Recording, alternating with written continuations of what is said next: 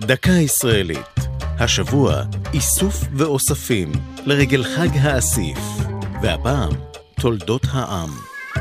עוד במאה ה-19 היו מי שהבינו את חשיבות שימור תולדות העם היהודי, והקימו לשם כך ארכיונים מיוחדים ברחבי תבל.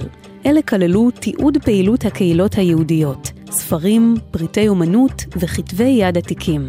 כבר בשנות ה-20 של המאה הקודמת עלה בקרב היסטוריוני החברה הארץ-ישראלית להיסטוריה ולאתנוגרפיה, לימים החברה ההיסטורית הישראלית, הרעיון להקמת ארכיון מרכזי בארץ. יסד אותו ב-1939 הדוקטור יוסף מייזל, היסטוריון של יהודי גרמניה ופעיל ציוני שעלה ארצה לאחר עליית הנאצים לשלטון בגרמניה. בסוף מלחמת העולם השנייה גבר הצורך בהנצחה ובשימור ארכיונים יתומים, בעיקר של קהילות וארגונים יהודיים שהושמדו.